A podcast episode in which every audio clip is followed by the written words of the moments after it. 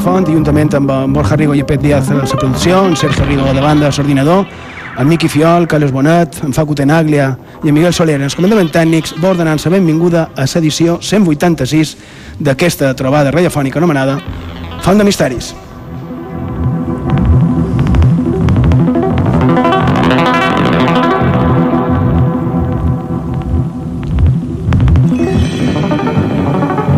Sí, ara són les 9 i 6 minuts del 29 de juliol de 2017 i, i som Font de Misteris. Eh? Vull dir, per, per els que coneixeu la nostra sintonia de capçalera i tal vegada ara sorprèn no? que estigui sonant que no estigui sonant en Joan Trias, el nostre company de Mediterràdio, perquè resulta que estem fent una edició especial de, de Font de Misteris.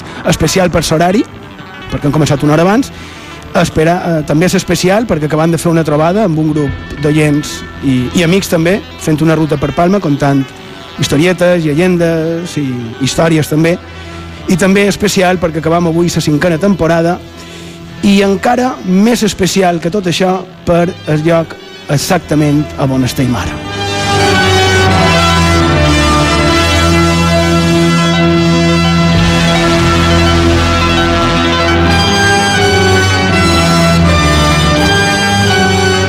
La veritat és que és un honor, és un privilegi i és emocionant estar aquí. A més, amb vosaltres, amb el públic que heu vengut, moltíssimes gràcies una altra vegada, benvinguts, benvingudes.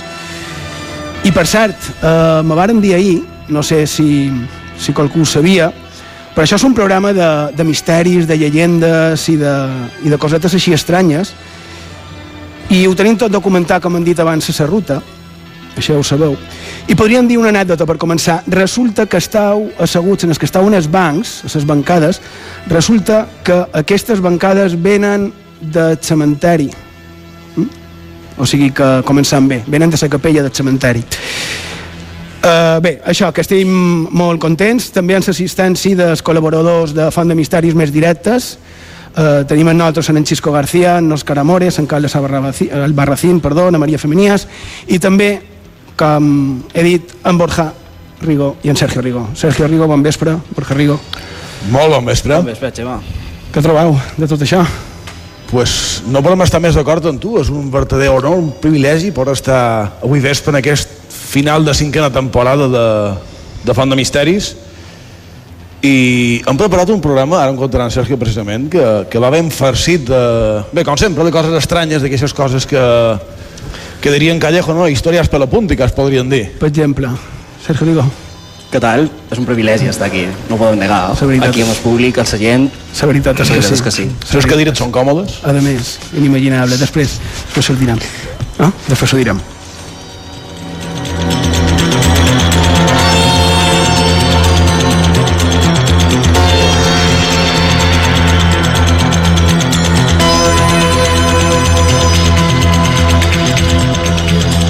Bé, una, una coseta abans de començar. Quan hi ha qualque pèrdua, quan qualcú ens deixa i pensam que té relació amb el que tractem en el programa, solen fer una petita menció.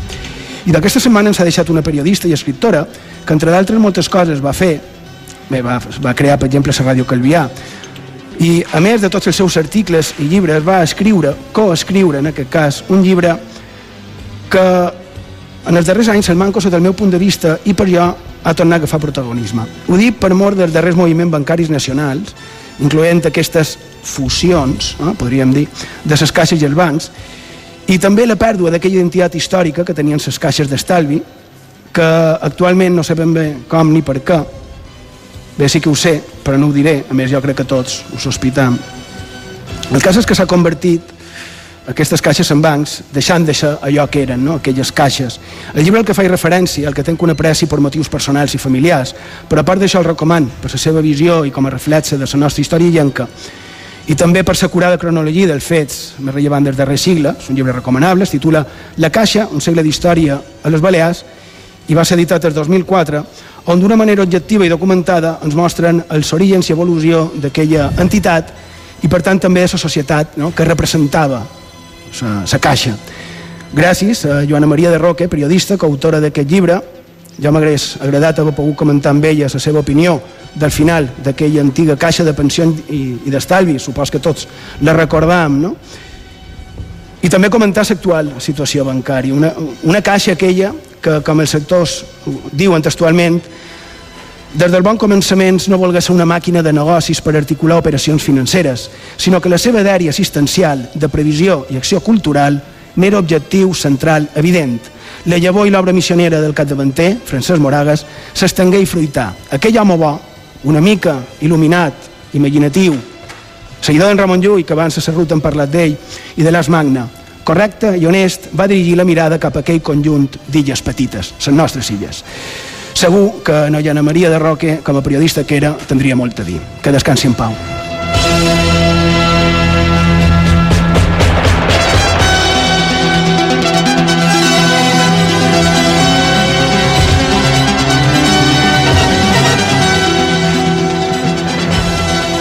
I de Sergio, podries fer sumari, dir formes de contacte, com accedir en els nostres programes eh? i aniríem començant.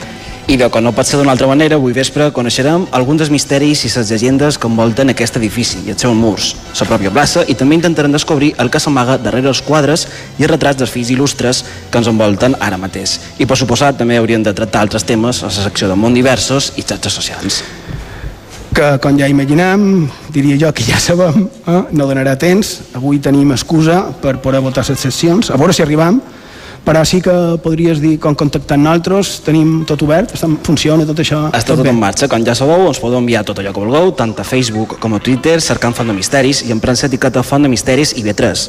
També, si voleu, ens podeu enviar els vostres missatges i comentaris en el WhatsApp del programa. Els números 659 1669 52. Ho repetim, 659 1669 52. I en darrer lloc també ens podeu enviar tot allò que vulgueu en el correu electrònic fontdemisteris arroba ib3radio.com.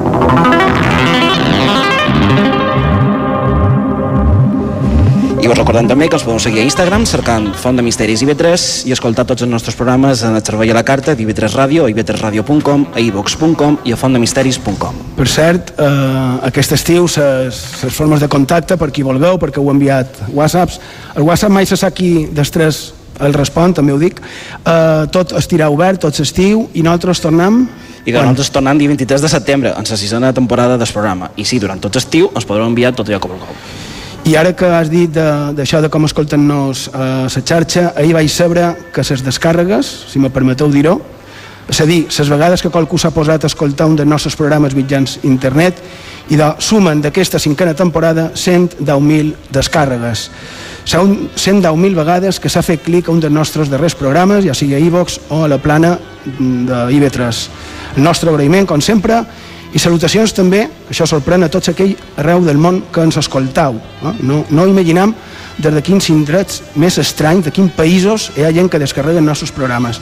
Molt agraïts, molta il·lusió i també molt agraït per vostres missatges que sempre tratant de contestar un per un, donant disculp, demanant disculpes que algú m'ha dit és que no m'heu contestat, demanant disculpes perquè hem anat un poquet de bòlit aquesta setmana però que normalment tots acaben sent contestant. Bé, petita pausa i continuem des d'on? Des del Saló de Plans de Cort, des de l'Ajuntament de Palma. On la història es torna llegenda, on el més quotidià es torna màgic. Acompanya'ns a la nostra font de misteris a IB3 Ràdio.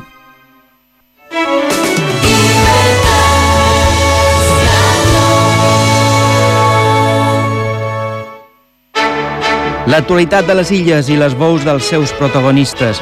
Una visió plural del món que tenim més a prop. Cada matí, de dilluns a divendres, entre les 9 i la 1, ens posam al dia. A IB3 Ràdio. El dia, en Rafael Gallego. Al món, 200 activistes ambientals han estat assassinats el 2016. Qui odia tant els ecologistes per arribar a matar-los? En parlarem amb Maria José Caballero, portaveu de Greenpeace Espanya, bona coneixedora de la situació. I vos presentarem Joana Maria Parelló, portaveu d'Entrepobles Mallorca, que acaba de participar en la caravana a favor dels refugiats que han realitzat a Malilla representants d'Entre Pueblos i d'un centenar d'entitats més per reivindicar la bona acollida i el lliure moviment de les persones. Entre d'altres coses, les entitats censuren l'incompliment europeu amb els refugiats i la desprotecció de menors no acompanyats. David Oliver et convida a escoltar Flors en el desert, diumenge a les 9 del matí a IB3 Ràdio.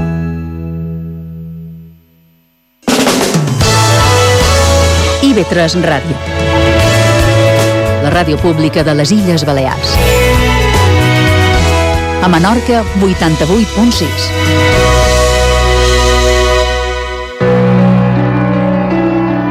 Misteris i llegendes a Font de Misteris, amb Xema Font.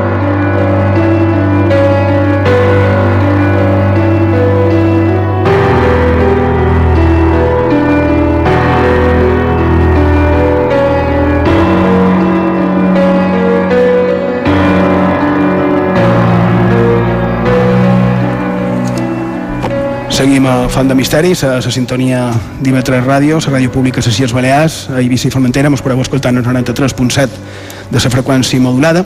I com dèiem ara fa un moment, estem fent un programa especial per això aquest horari. I com he dit ho feim des d'un punt emblemàtic de, de la ciutat de Palma. Però també per història ho estem fent des d'un punt emblemàtic de totes les illes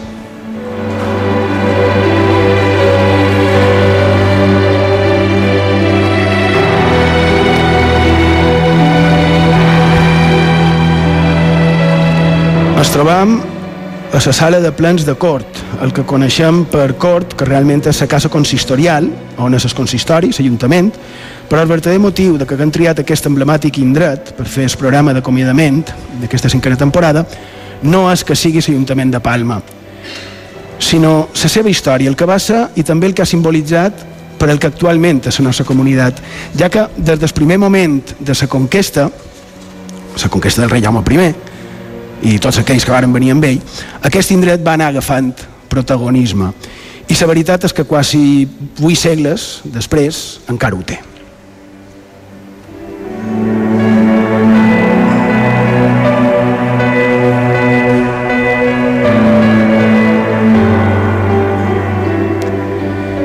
I per a fer aquest acomiadament de temporada ho volem fer com és habitual a Font de Misteris, és a dir, d'una manera diferent. Primer hem fet una passejada i ara des d'un punt emblemàtic.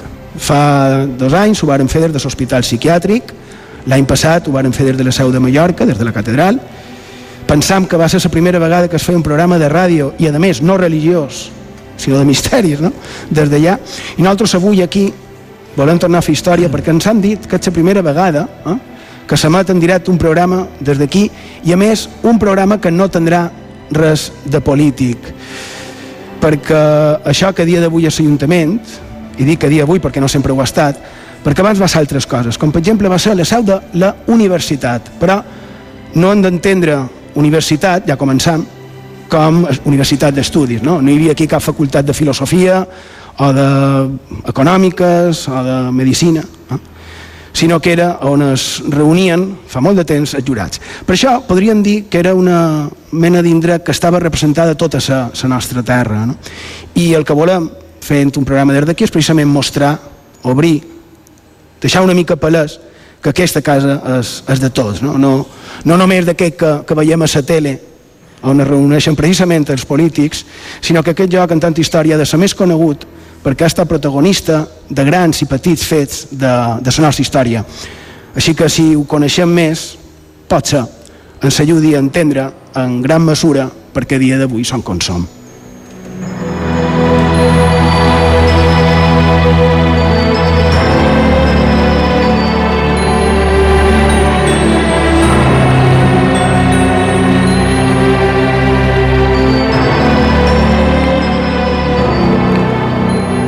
Això de conèixer-ho més eh, no som els únics que ho pensam tant és així que el propi Ajuntament fa, fa visites guiades eh, a l'edifici tu crec Sergio que has anat qualque vegada a les rutes guiades que fa l'Ajuntament Sí, hem passat per aquí, sí, ah, sí. exactament però nosaltres anem a, a la nostra i a més haurien de separar dues coses una és l'edifici a on estem l'Ajuntament eh?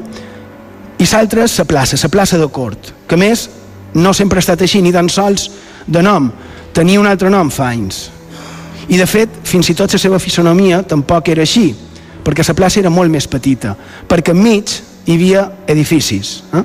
Hi havia una illeta amb edificis que se l'anomenava Silleta de Cort i des de fa molt de temps que es volia llevar perquè clar, aquesta plaça s'ha emprat per un caramuller de, de coses com encara es fa no, avui és un punt representatiu així que s'havia de tomar aquesta illeta.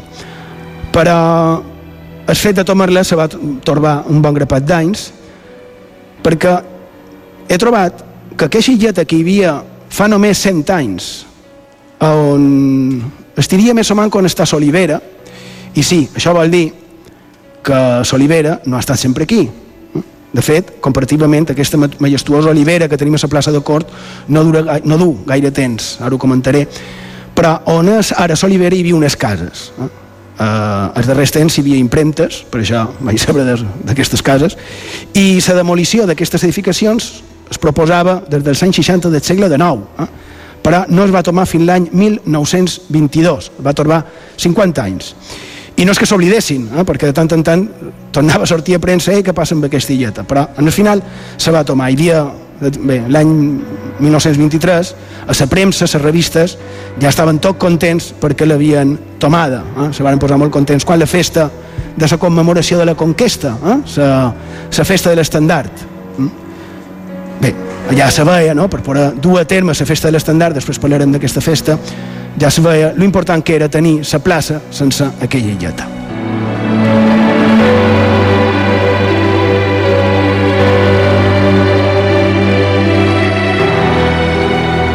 I si mos fixam, la plaça mos sembla petita, no, no sembla una, una plaça grossa, no? I de, podem imaginar abans que també se feien mm, esdeveniments com els que es fan ara, bé, els com els que fan ara no, bastant més tràgics, però amb una illeta de casa al mig, no?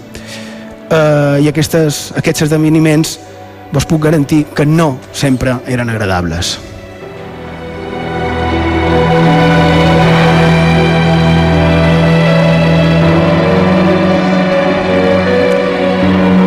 Bé, molt ràpid, en, en Solivera, on actualment hi és, no? els, els més joves, com tu mateix, sempre l'has vista, i els visitants i els turistes creuen que ha estat allà des de sempre. Ho creuen, sobretot els turistes, i també perquè hi ha gent que diu que sempre ha estat aquí, no? Però no, encara que sigui una olivera d'aquestes anomenades mil·lenàries, la veritat és que està allà des de fa només 30 anys. Bé, no arriba, 28, any 89, que va ser duita des de Pollença. Allà ja era coneguda, ja era emprada pels artistes, per quadres i semblants, i la veritat és que val la pena contemplar-la, endevinar aquelles formes màgiques, encisadores no? d'una olivera. Va ser donada pels propietari de la finca Pedrueixa Petit i amb això vull dir que és recent i que la tenim com un monument viu. Eh?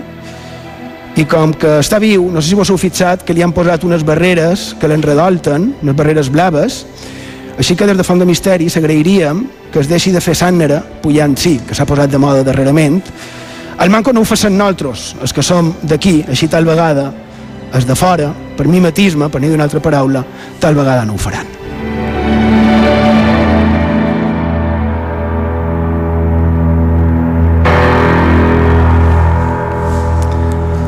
Que dèiem, que la plaça era més petita i encara així era emprada per tot tipus d'activitats, tant tràgiques, molt tràgiques, com lúdiques. Això després ho parlarem amb el nostre convidat, que per cert el tenim aquí assegut i encara no l'hem presentat, en Joan Ferrer Ripoll. Moltes gràcies per tornar a seure davant dels micròfons de Font de Misteris.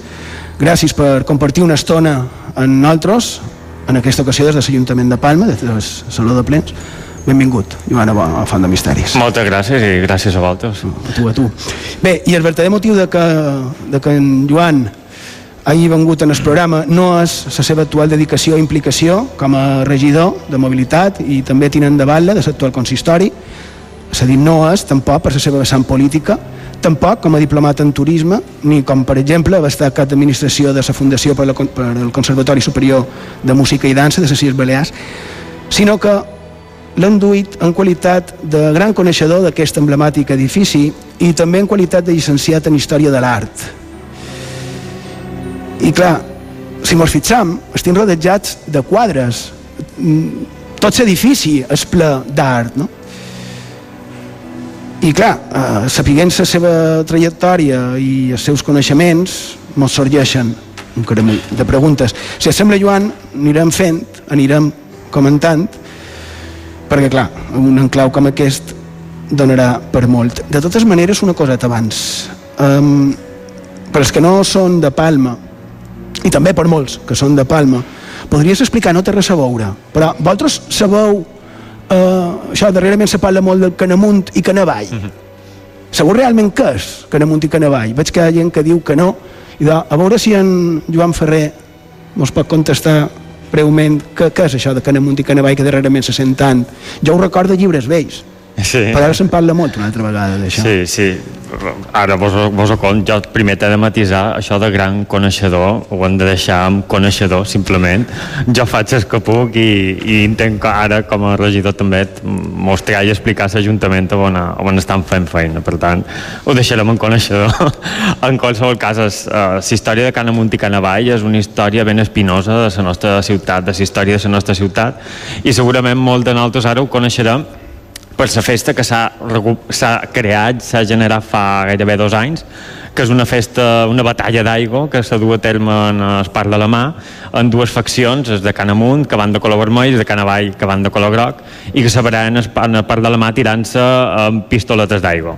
Clar, això és una manera molt pacífica de recordar el que varen ser realment uns fets eh, molt tràgics que varen succeir a la ciutat de Palma, varen començar a finals del segle XVI i acabaren el 1645 després de diversos episodis realment molt, molt violents, no?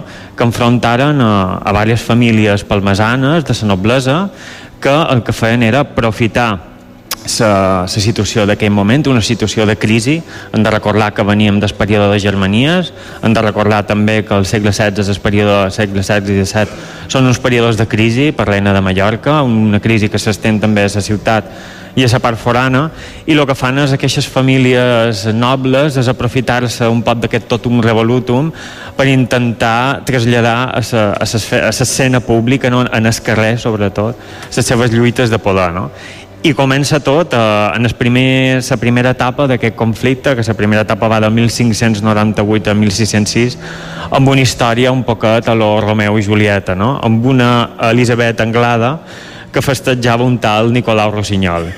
Els Anglada i el Rossinyol no se podien veure ni en pintura, s'aprofiten la història d'amor dels seus dos púbils per intentar eh, treure's els ulls i efectivament se'ls atreven aprofiten a més eh, les banderies és a dir, tots aquests bàndols que, que anaven, que circulaven per, eh, per Mallorca també, però també per Palma on te podien assaltar un vespre matar-te simplement per agafar-te la bossa de, de diners aprofiten aquesta història per, eh, per, per, per violentar la ciutat no? I, i acaben ajuntant a, diver, a diverses famílies també nobiliars a la seva causa generant el que va ser gairebé una, una batalla que se va tenir de manera soterrada però també amb episodis puntuals, injustes també en esborn i, i també amb assassinats que s'anaven duent a, a terme en els carrers de Palma, que hem de recordar que en aquella època, quan se feia fosc, se feia molta fosca, no?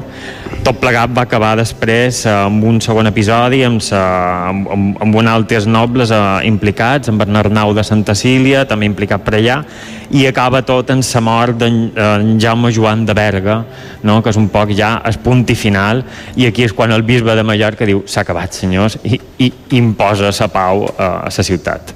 I després d'aquell caramullers de morts, mos queda la frase de, que sé jo, de la mort d'en Berga Eh. i grups de persones jugant amb pistoletes d'aigua en el parc de la mà. Sí. Per cert, per... Cert? Ara, eh, que per cert, eh, sempre dic el mateix i és vera, millor dispersar, dispersar aigua que altra cosa, per una banda, i també una dada que sempre m'agrada comentar també, és, és macabra però ben certa, que durant aquest conflicte, eh, com deies tu, Joan, fa un moment, eh, de vegades d'amagat, de vegades en públic, els morts se van comptar per més de mil, i a una terra tan petita com la nostra, més de mil morts és dir molt de morts. I oficialment, no, per un matrimoni que no se va arribar a celebrar. Mm. Això de Malgrat més. era la gran disculpa per, per dar-se garrot uns als altres, que és el que va passar efectivament. I d'allà sabem l'origen d'això dels canamuns i dels canavall. Però lo que anàvem, plaça d'acord, precisament amb aquest nom, que havíem de parlar d'acord avui, perquè aquí era on estaven les cors, no? on era també el gran i general consell, on eren els jurats, eh? d'aquí aquest nom. Però també se li coneixia, això ja també s'ha perdut, com plaça de Sant Andreu. I per què? I doncs perquè aquí, fa molt d'anys, en el començament de l'època de la conquesta cristiana, de 1229, una de les primeres coses que es va construir en aquesta recent conquerida ciutat de Mallorques va ser un hospital. Així que tenim per començar que aquí, aquí on estem ara, a Somanco, el que és l'Ajuntament, hi va haver un hospital, conegut com a Hospital de Sant Andreu.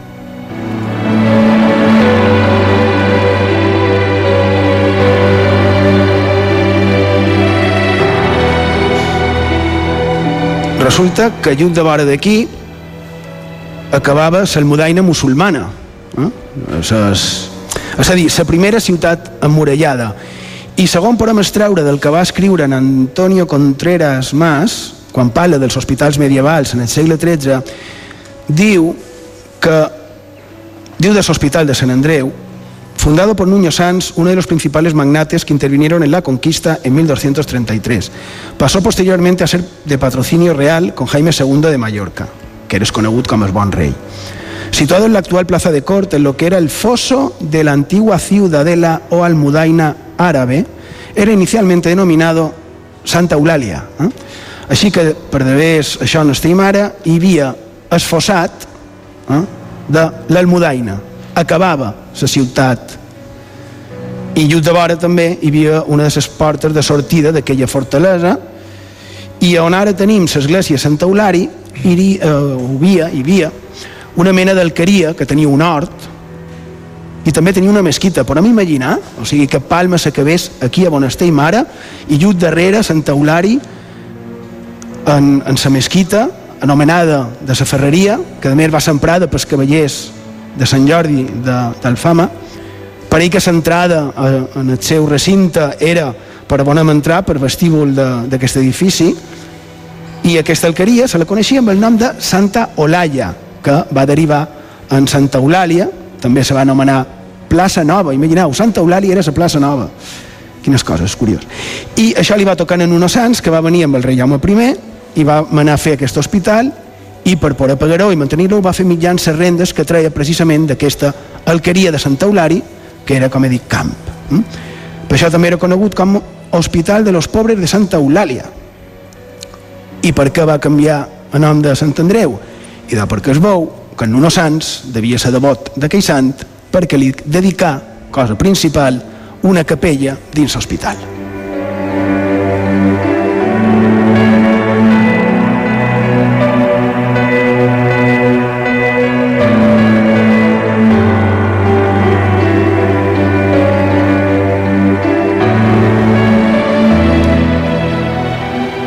Això era per d'haver l'any 1230 i a la vegada que aquest d'aquí, l'hospital, es va fer un altre, Santa Magdalena, on és el convent del mateix nom, també a Ciutat de Mallorques, i un va ser pagat per Nuno Sants, l'altre va ser pagat per Comte d'Empúries. I sí, eren dedicats a Sants, perquè no hem d'oblidar que aquella incursió, que aquell atac, que aquella conquesta, cadascú ho pot dir com vulgui, va ser amb una, amb una intencionalitat també religiosa, econòmica, però també religiosa. Era una mena de creuada. Bé, de fet, a part de, de l'Almudaina, que coneixem, la que aquí de vora, hi havia una altra Almudaina, no sé si, si és molt conegut o no, on ara tenim les cases d'Estemple. I es diu les cases d'Estemple perquè li va tocar en els templers en el repartiment, a dir, que varen venir templers en aquesta mena de creuada. I ara que ja tenim el cap imaginant aquesta situació medieval, eh, per les, pel·lícules podem imaginar aquella situació. Com devien ser? Podem imaginar com devien ser aquells hospitals en el segle XIII. I doncs, si vos sembla, anem a mirar com era l'hospital segons aquest mateix autor, Antonio Contreras Más, que diu, al ser creado contaba con una dotación de 20 camas, que posteriormente se vieron reducidas a 10. Su personal asistencial incluía un rector u hospitalé, encargado de su dirección, un presbítero destinado a la asistencia espiritual de los acogidos, que contaba con el auxilio de un sacristán, un procurador o administrador, una servienta y seis trabajadores que se ocupaban del cultivo de las posesiones rurales del mismo. Arquitectónicamente una estructura muy sencilla y digo, en 1370 contaba, constaba de dos plantas. En la inferior se encontraba una gran sala que servía de dormitorio común a los enfermos, una cocina y otras dos habitaciones. Tenía asimismo un patio, parte del cual se cultivaba como huerto. En la planta superior estaba la casa del hospitaler, compuesta por tres habitaciones. Així tenim que primer era un centre d'assistència espiritual eh? i que hi havia una gran sala comuna per als malalts. En canvi, en el pis de dalt, per l'hospitaler, ell per ell tot sol, tenia tres habitacions.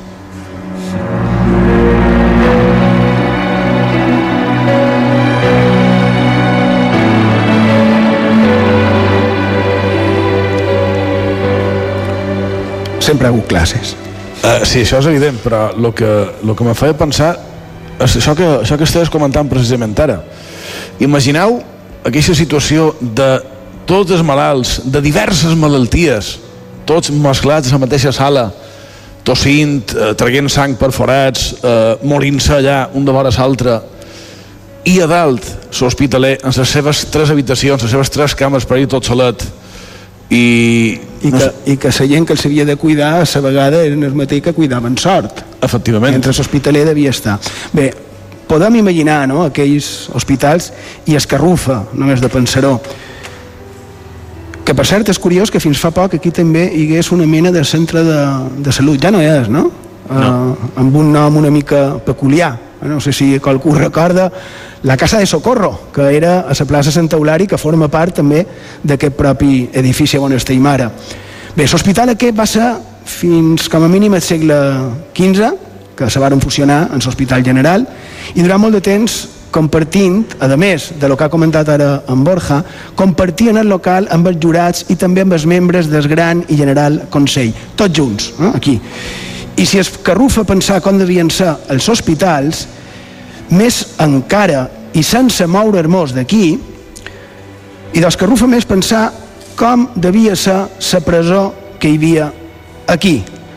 Una presó de manera que els jurats i els malalts sentien també el patiment dels empresonats. I vos asseguro que si hi ha una cosa que escarrufa és saber i comprovar per les cròniques com eren les execucions. Perquè sí, aquí, en aquesta plaça, també execucions.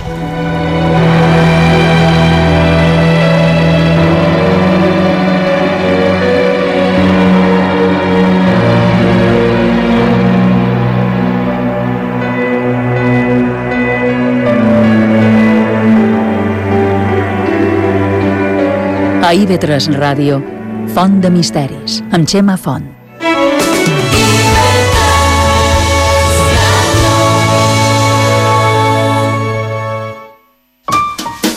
Ja no puc més, aquesta calor m'agota. És que m'afugen ses ganes de tot. No, no t'equivoquis. Aquí vols enganar. Ai, sempre m'aplegues. No apaguis el llum. Dissabte a mitjanit, amb Maria Rigo i Joan Guillem Jaume, a IB3 Ràdio. Ah, i alerta, que els ventiladors ressaquen. Ai, com ets? Quin estiu és fresc, curt i una mica àcid. Molt paregut a un polo de llimona. Encara que potser s'assembla més a un llor obert o a un 600 de color blau. Com? Que no sabeu de què estic parlant? De quin estiu? El nou programa d'IV3 Ràdio. De dilluns a divendres, de 7 i mitja a 8 del vespre. Just després de l'informatiu.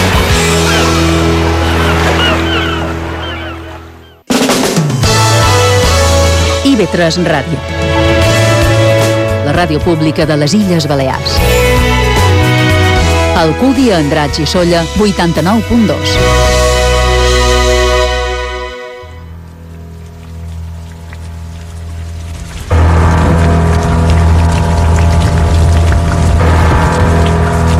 Misteris i llegendes a Font de Misteris, amb Xema Font.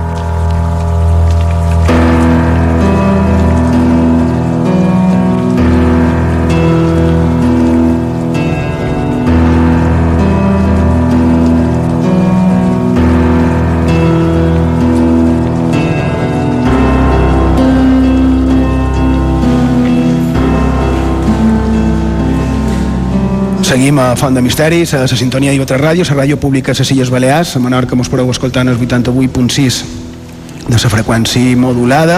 Estem fent una missió especial des de l'Ajuntament de Palma, des de la plaça de Cort, i estem contant històries, una, començarem a contar, millor dit ara, unes històries un poc així, perquè cap de dir que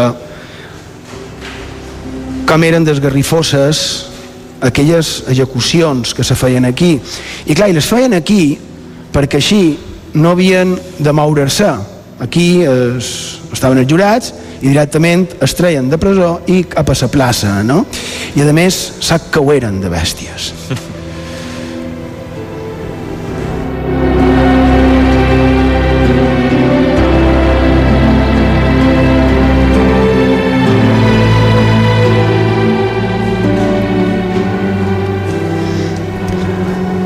Ara que en Joan mos ha parlat fa un moment de salt índex de criminalitat que, que hi havia a cert moment de la història, bé, de, mira, veurem un parell d'exemples. Anirem de més lleuger a més gros, referit en els crims comesos. Segle XV. Un periadre va entrar a robar tres vegades a una casa, a Santanyí. Aquest era un esclau, però sembla que ja era alliberat. El cas és que l'elapiren i segurament, com que no hi havia delicte de sang i com que ell era la figura de Saig, és a dir, una mena del que seria a dia d'avui un agent judicial. I de la sentència per aquest senyor va ser que el varen treure de presó, de la presó que hi havia aquí, a Cort, el varen dur a la plaça, només varen travessar, li varen tear les orelles, va ser assotat i el varen enviar a galeres.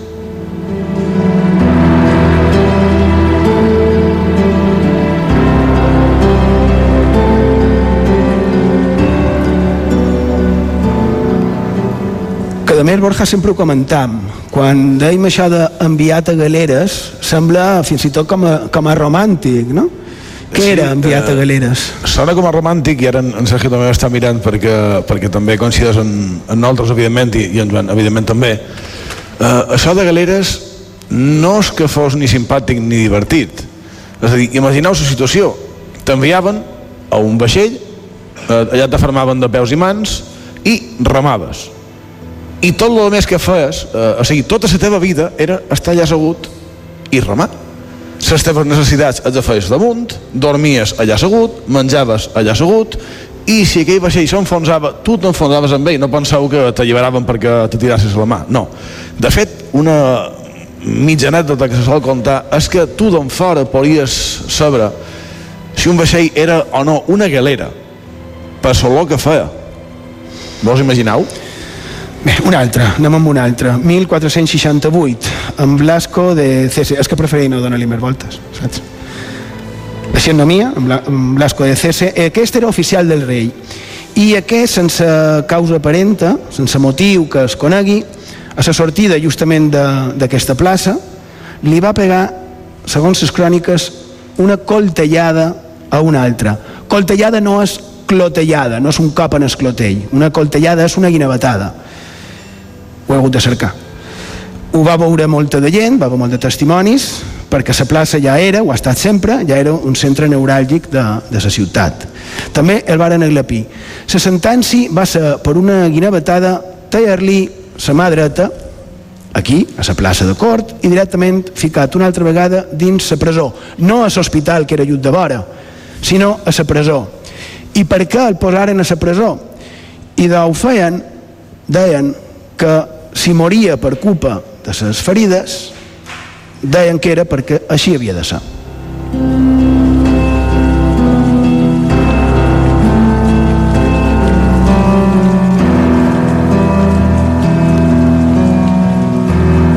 Un altre cas, 1467. He dit que de cada vegada no anem cronològicament, sinó de més lleuger a més farest. Era un esclau de Nació de Rossos, posa la, la, la crònica, era esclau de Mateu Cervera, d'Andraig, va abusar carnalment d'un jove, un fadrí, apel·lat Joan Mates, posa, de poca edat, també afegeix, el va forçar i a més amb una pedra li esclafà el cap. El va tirar una bassa d'aigua a l'intenció de que no el trobessin.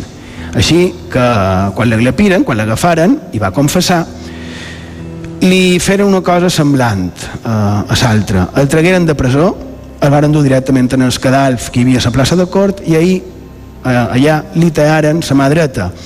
Però no acaba aquí. Després se'l varen arrossegar, fermat a una visti, per una ruta que ja tenien establerta, i en aquest el tragueren per la porta plegadissa i allà el cremaren viu.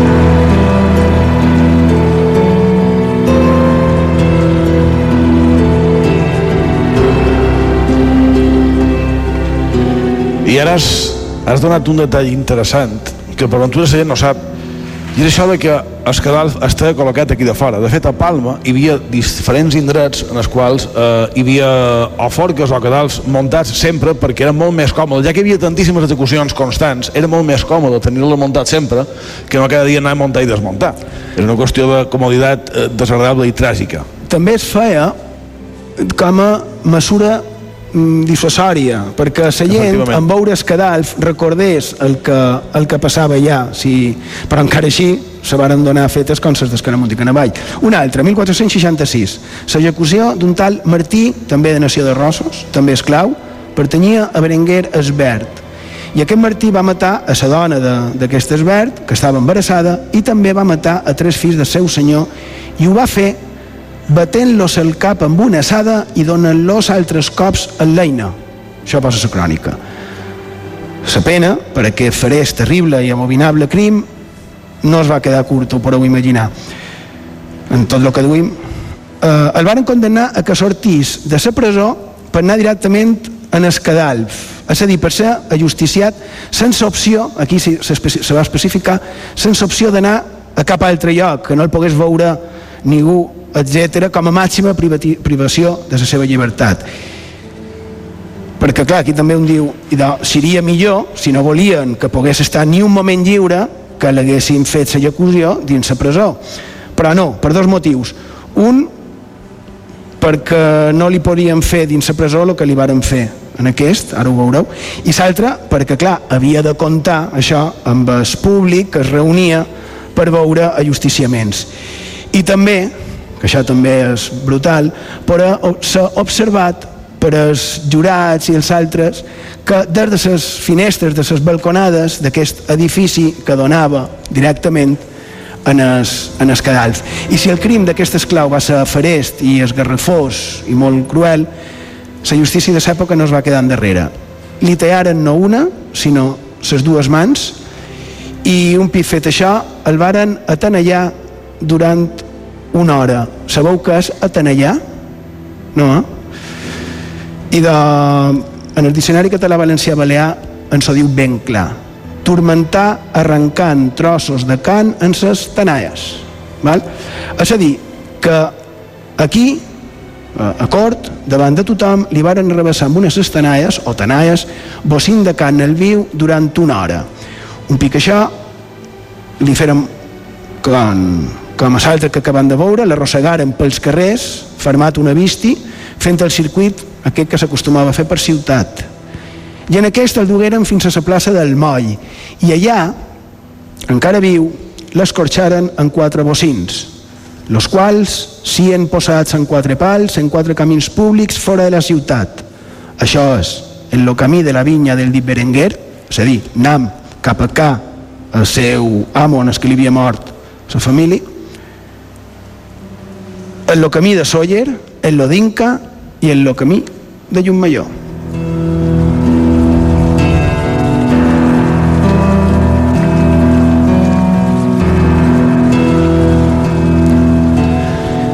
Bé, hi ha un bon caramull realment de, de casos, no? Un altre també, aquestes per associació, ja que darrerament han dedicat un parell de programes a, a campanes i campaners, i d'uns eh, també aquí, eh, a les illes, que varen fondre monedes falses, falsificadors de moneda, 1345. I aquests varen ser condemnats a veure metall fus. Aquí a Cort els hi varen fer donar glopades de metall fus. No era Cort, era la plaça Sant Andreu o plaça de ses Corts. Eh? I després, aquí mateix, un pic fet veure això, i de, van ser cremats vius.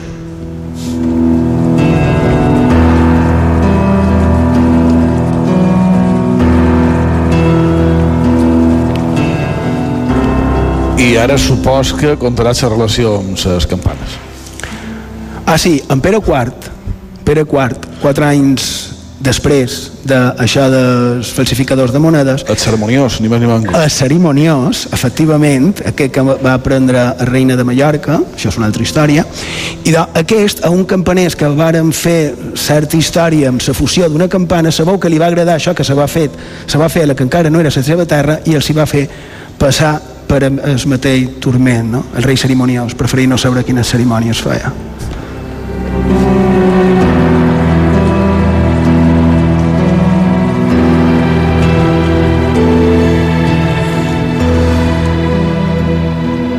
Bé, i aquesta presó que un pot pensar que, no sé, quant de temps diria, diríeu que fa que, que no existeix, que se va llevar? Estem parlant de coses del segle XIII, XIV, XV... Bé, i de segons... Eh, M'ho s'apunta. M'apuntes.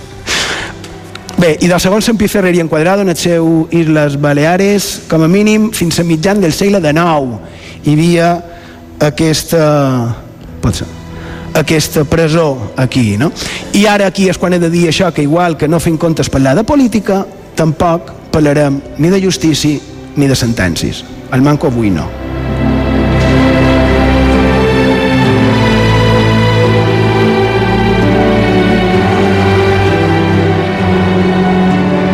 I de... Millor crec que és que parlem d'altres coses, que més tenim en nosaltres en Joan Ferrer, un historiador de l'art, i l'hem d'aprofitar.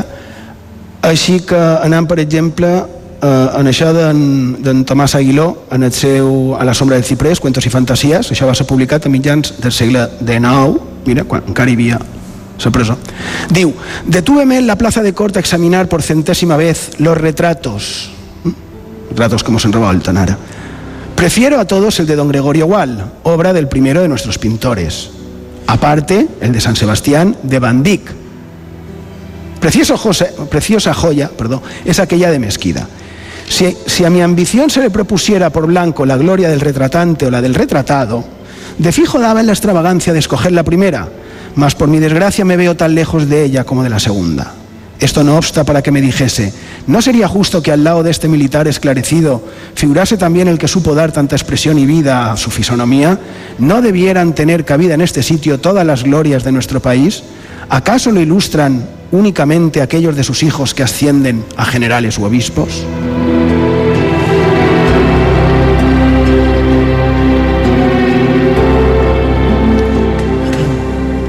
I d'això escrivia aquest autor amb 28 anys, any 1840, i un bon grapat d'anys després podem dir que no va encertar quan va dir que minvarien no? el, el número de, de fills il·lustres de la ciutat o que només bisbes i generals perquè fins i tot ell mateix va, és a dia d'avui fi il·lustre eh?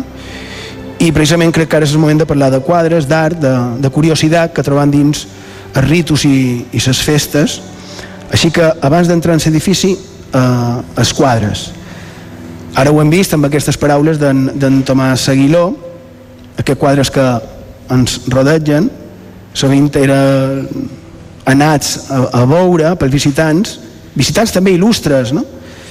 que ho fem, això també s'ha perdut molt que ho fem per fer una mica d'homenatge en els, en els fi de en els fills de Mallorca, perquè se pot dir que els fills il·lustres d'aquí engloben a, a tota Silla i, i està recollit així a les cròniques però els, eh, els venien a veure no només per la qualitat de l'obra encara que en aquest cas tenim un quadre digne de menció en Tomàs Aguiló parla, Joan d'un bandic mm. això té renom això sona a, a subhasta internacional i, sí.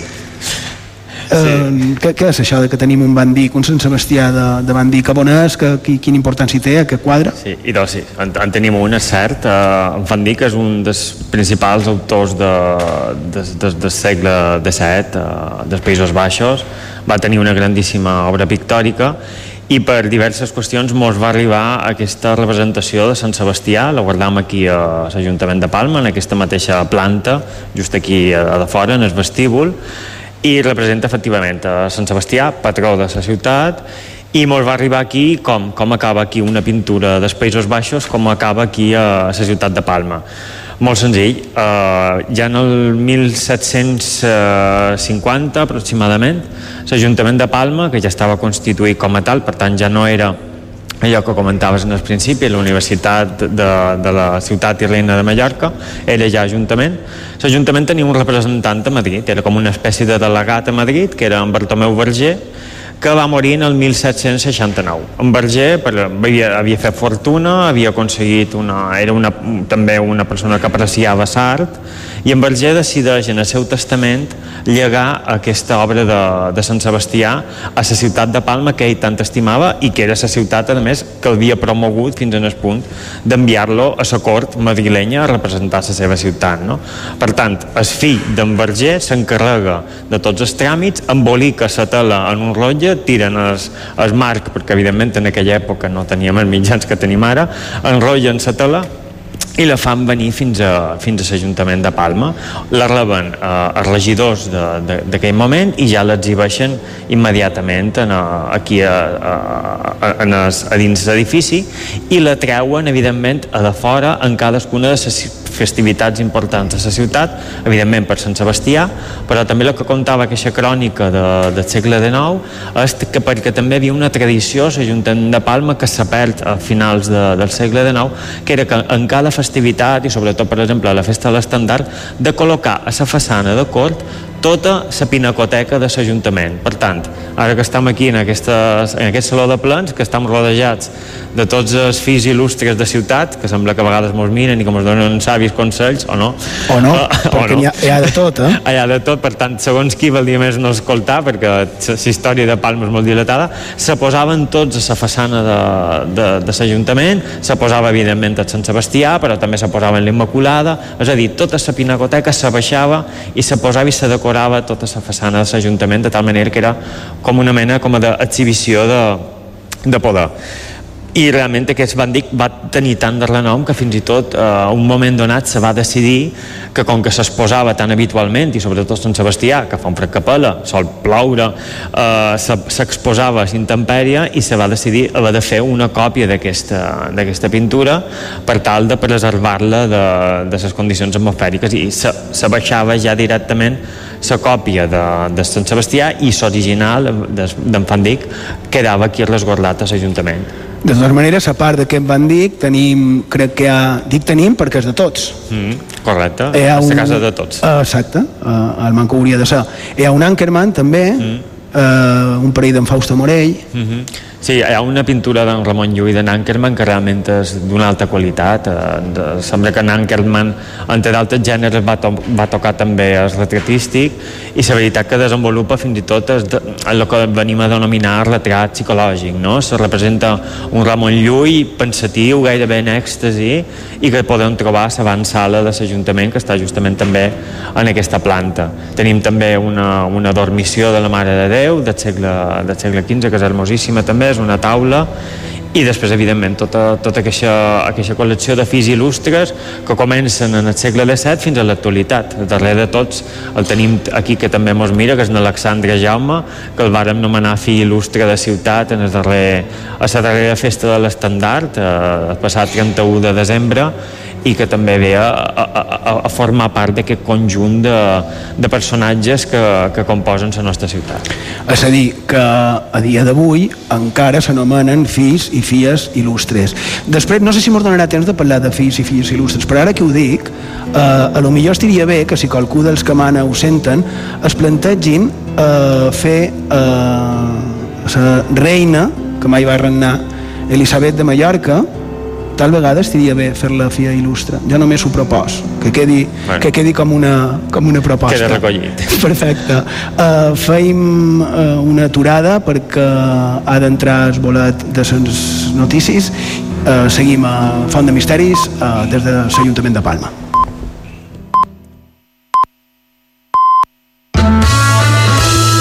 Serveis informatius d'IV3 Ràdio. Les notícies de les 10. Bon vespre, demanda judicial per un possible cas de discriminació laboral contra el Corte Inglés